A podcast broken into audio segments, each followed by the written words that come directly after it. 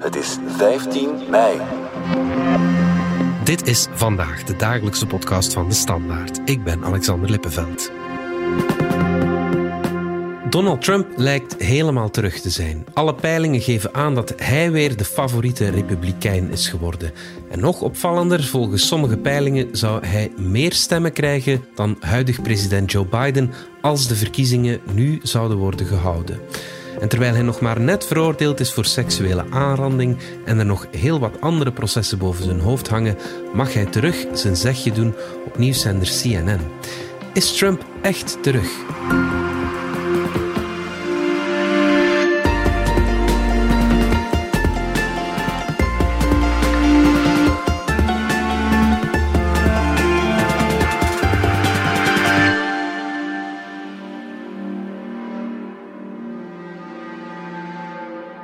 Steven de Voer, jij volgt Amerika voor onze krant en Donald Trump dus ook.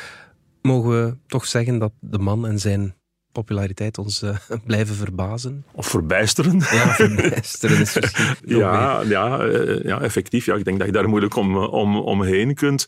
Laat ons zo zeggen, een kleine fractie van wat Trump de jongste jaren is uh, overkomen. En de jongste jaren bedoel ik eigenlijk na zijn presidentschap. Maar ik bedoel het feit dat hij is aangeduid door een parlementaire commissie als de hoofdaanstoker van de bestorming van het Capitool. En eigenlijk als organisator van een mislukte staatsgreep. Mm -hmm. De inbeschuldigingsstelling in een, in een strafzaak als eerste president in de geschiedenis. Dat is in verband met die affaire over dat zwijggeld aan, aan Stormy Daniels, het, het pornomodel. Het feit dat hij dan deze week in weliswaar een burgerrechtelijke zaak, maar toch door een jury schuldig is bevonden aan seksuele aanrandingen, daar 5 miljoen schadevergoeding voor moet betalen. en, en ik noem alleen nog maar de hoogtepunten bij om het even welke politieke kandidaat, ik zou bijna zeggen, in om het even welk land, is dat einde carrière. Ja, het ja, feit ja. dat dat niet gebeurt, in tegendeel dat zijn populariteit weer de hoogte in lijkt te gaan, ja, dat is toch eigenlijk wel redelijk verbijsterend. Dat is verbijsterend, voilà, om, het, uh, om dat maar te stellen.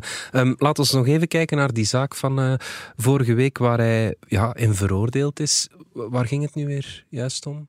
Wel, het is eigenlijk een beetje een apart geval, omdat het van heel lang geleden is, 1995, 1996, en dat normaal gesproken je daar dus geen processen meer over hebt. Wat nu enkele jaren geleden is gebeurd in de nasleep van de, de hele MeToo-affaires, uh, mm -hmm. is dat de staat New York toen heeft gezegd, gezien wat er allemaal nu naar boven komt, het aantal vrouwen die slachtoffer zijn geweest van seksueel misbruik, die zich pas nu gestrekt voelen om daarmee naar buiten te komen, gaan we gedurende één jaar de tijd geven om toch nog strafrechtelijk kan niet, dat is verjaard, mm. maar voor de burgerlijke rechtbank om okay. toch nog processen te starten en schadevergoeding te eisen voor dingen van lang geleden. Ja. En daar heeft die E. Jean Carroll, E. Jean Carroll is een uh, vrij bekende columniste die tientallen jaren voor Elle heeft geschreven. Okay. Daar heeft hij gebruik van gemaakt om te zeggen, ja goed, wat er destijds is gebeurd, Trump heeft mij toen gevolgd in de kleedhokjes van een zeer chic warenhuis in, in Manhattan en heeft mij daar uh, bepoteld en ook uh, effectief verkracht. In dat proces is hij dus nu uiteindelijk niet veroordeeld wegens verkrachting. Hmm. Omdat de jury dan, ja, je moet natuurlijk het echt voor bewezen houden en daar onvoldoende bewijs in zag. Maar wel voor het dus met geweld binnendringen in dat hokje en met geweld haar bepotelen en seksueel aanranden. Ja. En bovendien haar reputatie op een uh, kwaadwillige manier te hebben besmeurd. Ja. Um, dus ja, dat is toch wel, behalve dat het niet door een strafrechter is, maar voor de rest toch wel uh, ja, heavy toch wel shit. Stevig, ja, ja, absoluut. Tijdens dat proces is er een, een video naar buiten gekomen van zijn verhoor. Daarin zei hij hallucinante dingen. Uh, eigenlijk, het leek wel alsof hij zijn eigen graf stond te graven, maar het lijkt hem niet te raken. Wel, Uh, ja. ik, ik heb eh, bij dat verhoor toch weer een paar keer gedacht dat uh, in de eeuwige discussie over als Trump hele rare dingen zegt, is dat dan omdat hij politiek strategisch zo briljant is? Of, of is het omdat hij soms gewoon ja, dom is en zich verstrikt in, in zijn eigen leugens? Ja, daar heb ik het dan toch wel weer uh, meer de wijze naar het tweede uh, zien gaan. Omdat je, je, bent jezelf aan het verdedigen in een zaak waarin je beschuldigd wordt van verkrachting. En eerst vertel je al van, dus onmogelijk dat ik die vrouw verkracht zou kunnen hebben, want ze is mijn type niet. She's not my type. And that's 100% true. She's not my type. En, en vervolgens zeg je op het einde, als het ging over die uh, fameuze tape van jaren geleden, die is uitgekomen, waarin dat hij zei van, ja, als je beroemd bent kun je alles doen met vrouwen. You can just grab them by the pussy. Mm. Uh, and when you're a star, they let you do it. You can do anything. Whatever you want. Grab them by the pussy. Do anything. Als het daarover ging, zei hij van ja, daar sta ik nog altijd wel achter. Ja, dat is nu eenmaal zo. Dat was vroeger zo, dat is nog steeds zo. En eh, dat eindigend met unluckily or luckily. So you stand by those comments? Well, I don't want to lie. Mr. Oh, President, here's we have a what, lot of Here's what she wants Mr. President, to say. Let's a get to rich the and famous person tonight. has no advantage over anyone else. Well, you do have an advantage, and I say unfortunately, but that's the way it is. You said fortunately or unfortunately, well, fortunately but Mr. President, or unfortunately we have a lot of for audience. her. Ja. Spijtig genoeg, of, ja, of misschien goed genoeg. Ik bedoel, op dat moment denk ik toch dat die advocaten zeggen van, wat zegt die man? Dat is toch wel echt Ja. Een, een, een, ja, een redelijk verbijsterend ding om te zeggen. Ja, maar ik, ik, ik, het zou ook wel eens kunnen Ja. dat dat ook mee de doorslag heeft gegeven bij die jury. Want uh, Ja. het is dan uitgelekt dat Trump woedend is geweest over die veroordeling, alle schuld op zijn advocaten steekt. Maar die advocaten zelf moeten toch ook gedacht hebben van, oh, zo'n mens maakt zichzelf zo onverdedigbaar als hij zo'n dingen zegt. Hoe hard schaadt die zaak hem en ook die rond Stormy Daniels? Want het is weer munitie voor hem om te zeggen het is allemaal een witch hunt, zoals Ja. hij Ja. altijd zegt. Wel, eh, ik denk dat we moeten afwachten wat nu het geval is. Want ik zie toch wel een beetje een verschil tussen de twee. Wat betreft Stormy Daniels, wij zelf en heel veel mensen gezegd van ja, goed, als die procureur dat wil doen, ja, dan moet hij dat doen. Dat is zijn job. Maar of dat het, eh, moet ik zeggen, politiek strategisch gesproken nu de slimste zaak was om hem voor de rechter mee te sleuren, het is wel duidelijk de lichtst wegende van allemaal. En dus dat bij zijn fans uh, de indruk heeft, "Goh, waar zijn ze nu weer mee afgekomen? Dat begrijp ik wel ergens. Eh, Terwijl dat er andere zaken zijn die aankomen die echt veel ernstiger zijn. Dus het was misschien ongelukkig om daarmee het openingsshot te geven op Ja. strafrechtelijk gebied. Maar dan stel ik mij toch wel een beetje de andere vraag. In dit geval met een jury. Het gaat wel over veroordeeld zijn wegens seksuele aanranding. En al bij al, ik weet het wel, destijds is die, die fameuze tape over Grab Them by the Pussy is uitgekomen een paar weken voordat hij verkozen wordt. Dus er is een argument om te zeggen, zijn fans kan het absoluut niet verdommen. Maar de kans dat dit zeker op bij vrouwelijke Trump-stemmers toch wel iets meer kwaad zal doen dan die vorige zaak, die is toch reëel. We moeten dat wat afwachten.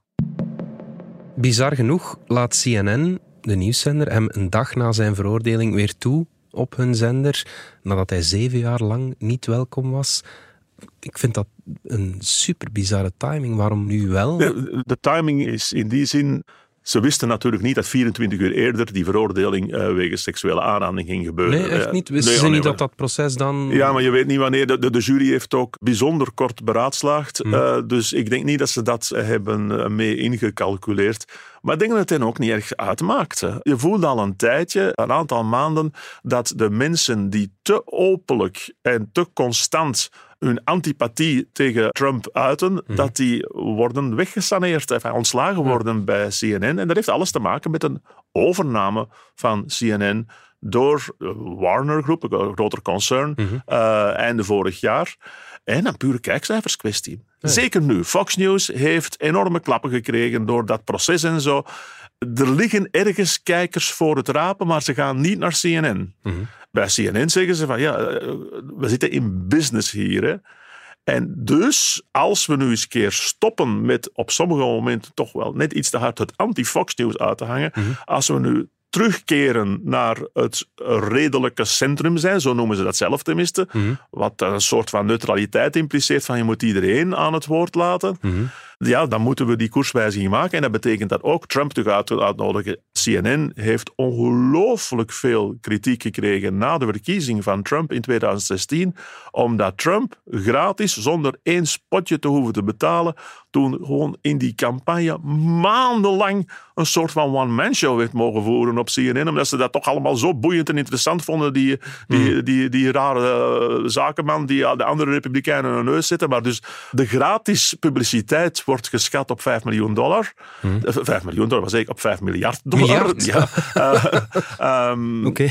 Dus CNN, de directie, heeft daar enorm voor commentaar gekregen, is hem harder beginnen aanpakken. Ja, en, en Trump heeft toen CNN de oorlog verklaard. Vandaar ja. dus zeven jaar lang niks. Nu terug opnieuw wel, omdat er een andere directie is die zegt van Trump mee hebben in onze programma's. Dat levert betere kijkcijfers op. En, en in welk kader uh, was hij dan te gast? Was het opnieuw een one-man show zoals... Uh, ja toen der tijd? Ja, dat was het punt dus op voorhand. Er was op voorhand uiteraard veel kritiek op die beslissing. Bij CNN zeiden ze van, ja maar goed, Trump is de frontrunner, is de favoriet om republikeins presidentskandidaat te worden. Je kunt dat toch niet gewoon buiten beeld houden.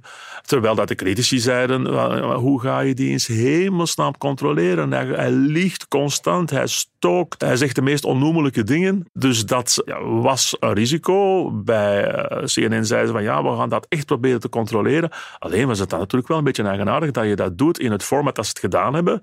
Namelijk een town hall meeting. Dat is zo eigenlijk een, ja, een soort, soort van kleine rally. Mm-hmm. Waarin het publiek allemaal Trump-aanhangers zaten. En dus van zo gauw dat Trump zijn mond opendeed, uh, hoe beledigend of ontzettend ook wat, uh, wat, dat, wat dat hij zei, had je dan een soort van voetbalsupportersklik rond. In kluis op de momenten ja. dat hij bijvoorbeeld de moderator begon te beledigen en, uh, en zei dat zij hem veel te veel onderbrak en dat ze een nasty woman was, een, een gemene vrouw. I would like for you to answer the question. Okay, it's very simple to answer. That's why I asked it. It's very simple. To, you're a nasty person. CNN kan ervan zeggen wat ze willen, maar het is de leerling tovenaar. Als ze denken dat je Trump kunt controleren op zo'n moment. Er, is, er zijn pogingen geweest. Mm -hmm. uh, Caitlin Collins, die, dat, uh, die de moderator was, heeft van in het begin gezegd, als Trump meteen weer begon over de gestolen verkiezingen, heeft meteen gezegd van, uh, Mr. Trump, er zijn 60 processen overgevoerd. Dit is onzin, je mag dat niet blijven vertellen. Mm -hmm. En Trump heeft duidelijk gedaan van, uh, um, ik mag dat niet blijven vertellen, uh, watch me. En hij heeft een uur lang niet anders gedaan. Uh, ja, ja, ja. Je, je, kunt dat niet controleren. Hè? Ja, wat hij zelf een mainstream mediazender noemt. Ja, ja en, ja. En, en voor hem zit daar een groot voordeel aan.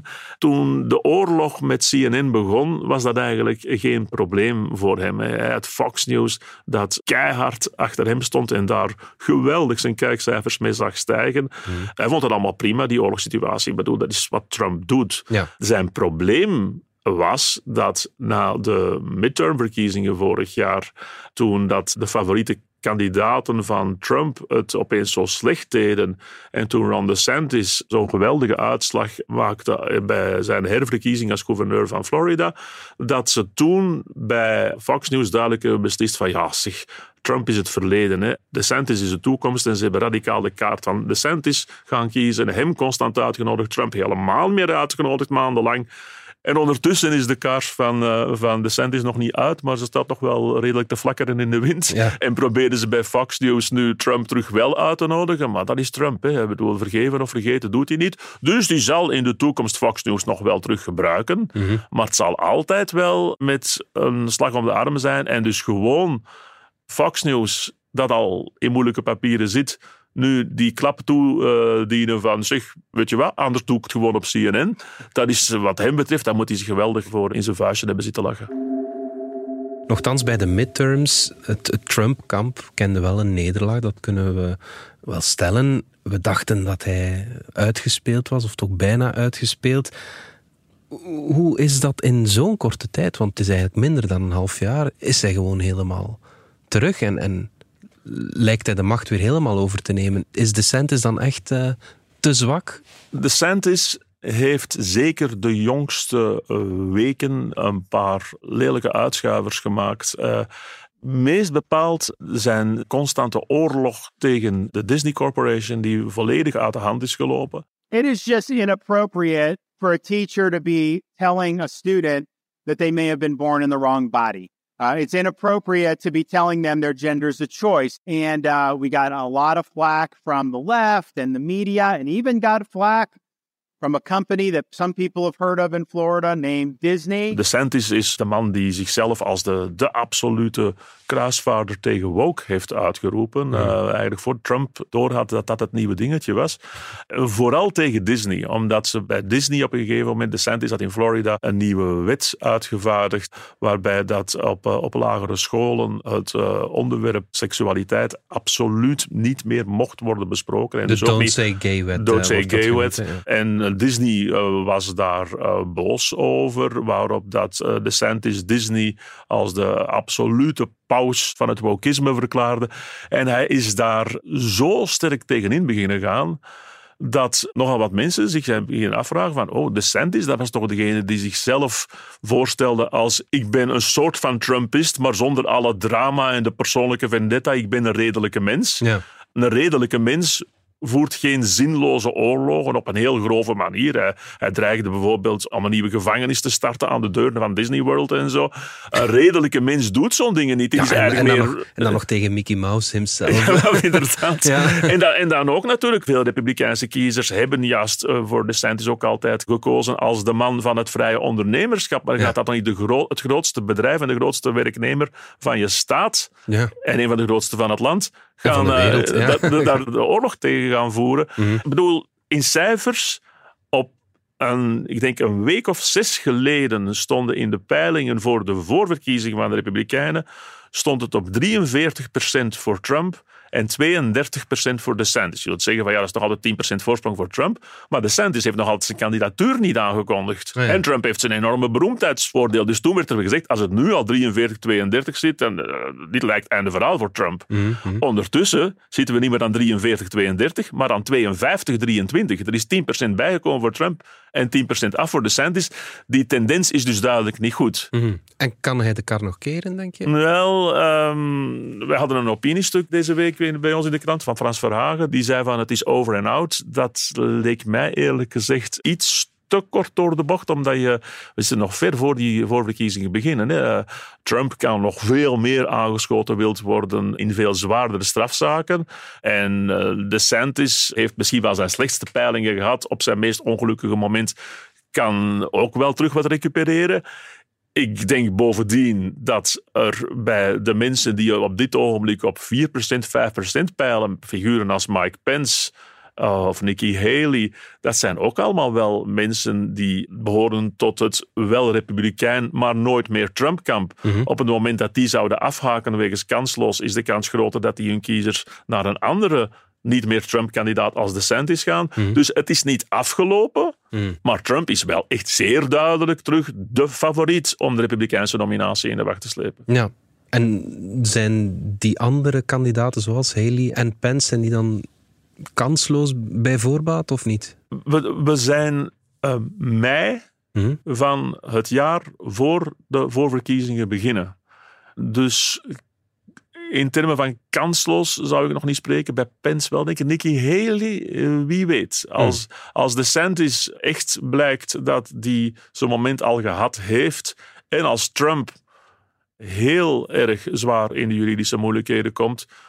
Dan lijkt mij à la limiet, pas op, ik zou er geen geld op inzetten hoor, maar lijkt mij à la limiet wie weet nog wel mogelijk dat een intelligente vrouw die zich als een soort van fatsoenlijk rechts voorstelt, zoals Nikki Haley, dan lijkt het mij dus niet volledig uit te sluiten dat zij als derde hond nog mee het been zou kunnen gaan lopen, maar ik zou er toch geen geld op inzetten. De strijd wordt, hoe dan ook, wie het ook wordt, aangegaan met Joe Biden. Dat, dat lijkt nu wel helemaal vast te staan. That's why I'm running for re-election. Lange tijd wezen de opiniepeilingen naar het feit dat Biden Trump in elk geval zou verslaan. Maar er zijn toch een paar peilingen die zeggen dat dat niet meer het geval is. Um, hoe moeten we dat zien? Moeten we die peilingen serieus nemen om te beginnen? Dat is moeilijk om te zeggen. Er is er één, ik heb daar nu ook uh, door Nate Silver, een ongelooflijk slimme mens, de paus onder de peilologen, die heeft wel gezegd, de peiling van vorige week of twee weken geleden stilaan, waarin dat Trump 6% meer zou halen dan Biden, had toch iedereen wel uh, huh? deed zeggen dat die gewoon slecht uitgevoerd is geweest. Dat het eigenlijk een beetje een, uh, een krakkemikkige peiling was. En bovendien zijn er ondertussen die Biden weer als winnaar in de strijd tegen Trump geven. Mhm. Maar dus los van het feit hoe serieus dat we iedere individuele peiling moeten nemen, is er wel duidelijk een tendens dat het terug Trump is en dat je met Trump rekening moet houden. En dat gaat wat in tegen de algemene theorie, die ik hier ook al eerder verkondigd heb, dat uh, Trump absoluut onverkiesbaar zou zijn in de toekomst. Ik bedoel, er is nog altijd, ik, ik sta nog altijd wel redelijk achter die redenering hoor. Die redenering is, Trump is in 2016 zeer nip president kunnen worden, heeft daarna eigenlijk nederlaag op nederlaag geleden, zowel in midtermverkiezingen als in de presidentsverkiezingen van 2020.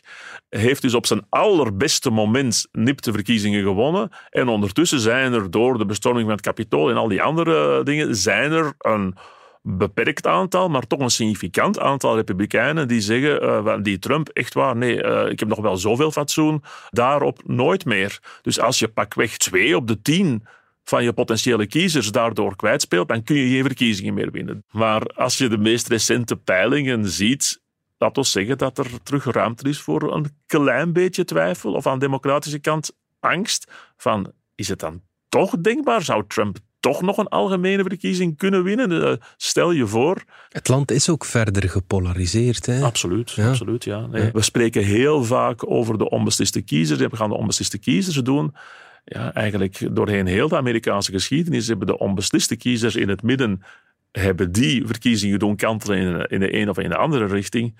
Maar door die extreme polarisering is het percentage onbesliste kiezers ook uh, heel erg geslonken. Mm-hmm. Met als gevolg dat het er meer stilaan begint op aan te komen van niet de onbesliste kiezers overtuigen, maar wel je eigen kiezers, bij de Republikeinen of bij de Democraten, enthousiast maken om toch zeker en vast te komen stemmen. Mm-hmm. En daar is een probleem bij de Republikeinen met Trump, omdat er te veel mensen zijn met fatsoen die zeggen: dit kan niet meer. Maar daar is ook een serieus probleem aan de democratische zijde met Biden, die echt bepaald onpopulair is. En zeker bij jongeren, die het eigenlijk echt blijkt uit specifieke peilingen onder jongeren, die het echt compleet ongehoord vinden om met die oude vent, uh, ja.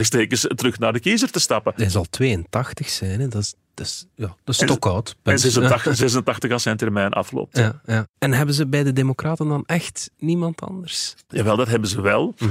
Maar het probleem is daar, ja, je zit sowieso met de traditie, de ervaring die leert dat je tegenkandidaat stellen tegen een zittend president. Ik denk bijvoorbeeld aan Ted Kennedy, de jongste van de Kennedy-broers, die dat in eh, 1980 tegen Jimmy Carter deed. Het lukt nooit. Een zittende president heeft toch nog altijd wel die... eh, De enverguren, hè? ja, Ja, never ja. change a winning team, zo dat, dat, dat idee. En bovendien, je kunt over Biden veel zeggen. Het is niet de grootste communicator, het is geen charismatische mens, hij is te oud. Maar hij heeft wel verdraaid veel gedaan. Dus zegt men van goed, ja, pak daar dan mee uit met de verwezenlijkingen en maak duidelijk dat de tegenkandidaat als het Trump is, dat je dat zeker niet wilt. Trouwens, Biden na dat toch wel gênante debat op CNN heeft, eh, heeft gewoon een korte reactie gegeven waarin eh, dat hij zei van wilt u echt four more years van dit? dat is eigenlijk alles dat hij hoefde te zeggen. En men gaat ervan uit dat eh, aan democratische zijde dat dat zal volstaan om die verkiezingen te winnen. En andere mensen met veel ambitie, ik denk bijvoorbeeld aan Gavin Newsom, de gouverneur van, van Californië, die hebben duidelijk gezegd van ik ga mijn kansen hier niet mogelijk verprutsen Ja. door het onmogelijk te proberen te doen en zittend president te vervangen. Ik ga gewoon vier jaar of acht jaar wachten. Mijn dag komt nog wel. En ja, ik heb de indruk dat getalenteerde en ambitieuze mensen van de jongere generatie bij de Democraten allemaal zo reageren. Ja.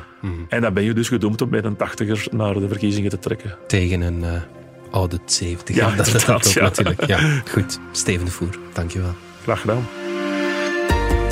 Dit was vandaag de dagelijkse podcast van de Standaard. Bedankt voor het luisteren. Volg ons op Spotify, Apple Podcast of eender welk ander podcastplatform. In onze gratis FDS podcast kan je niet alleen ons werk beluisteren, maar ook de beste podcasttips terugvinden. Alle credits van de podcast die je net hoorde vind je op standaard.be-podcast. Reageren kan via podcast.standaard.be. Morgen zijn we opnieuw.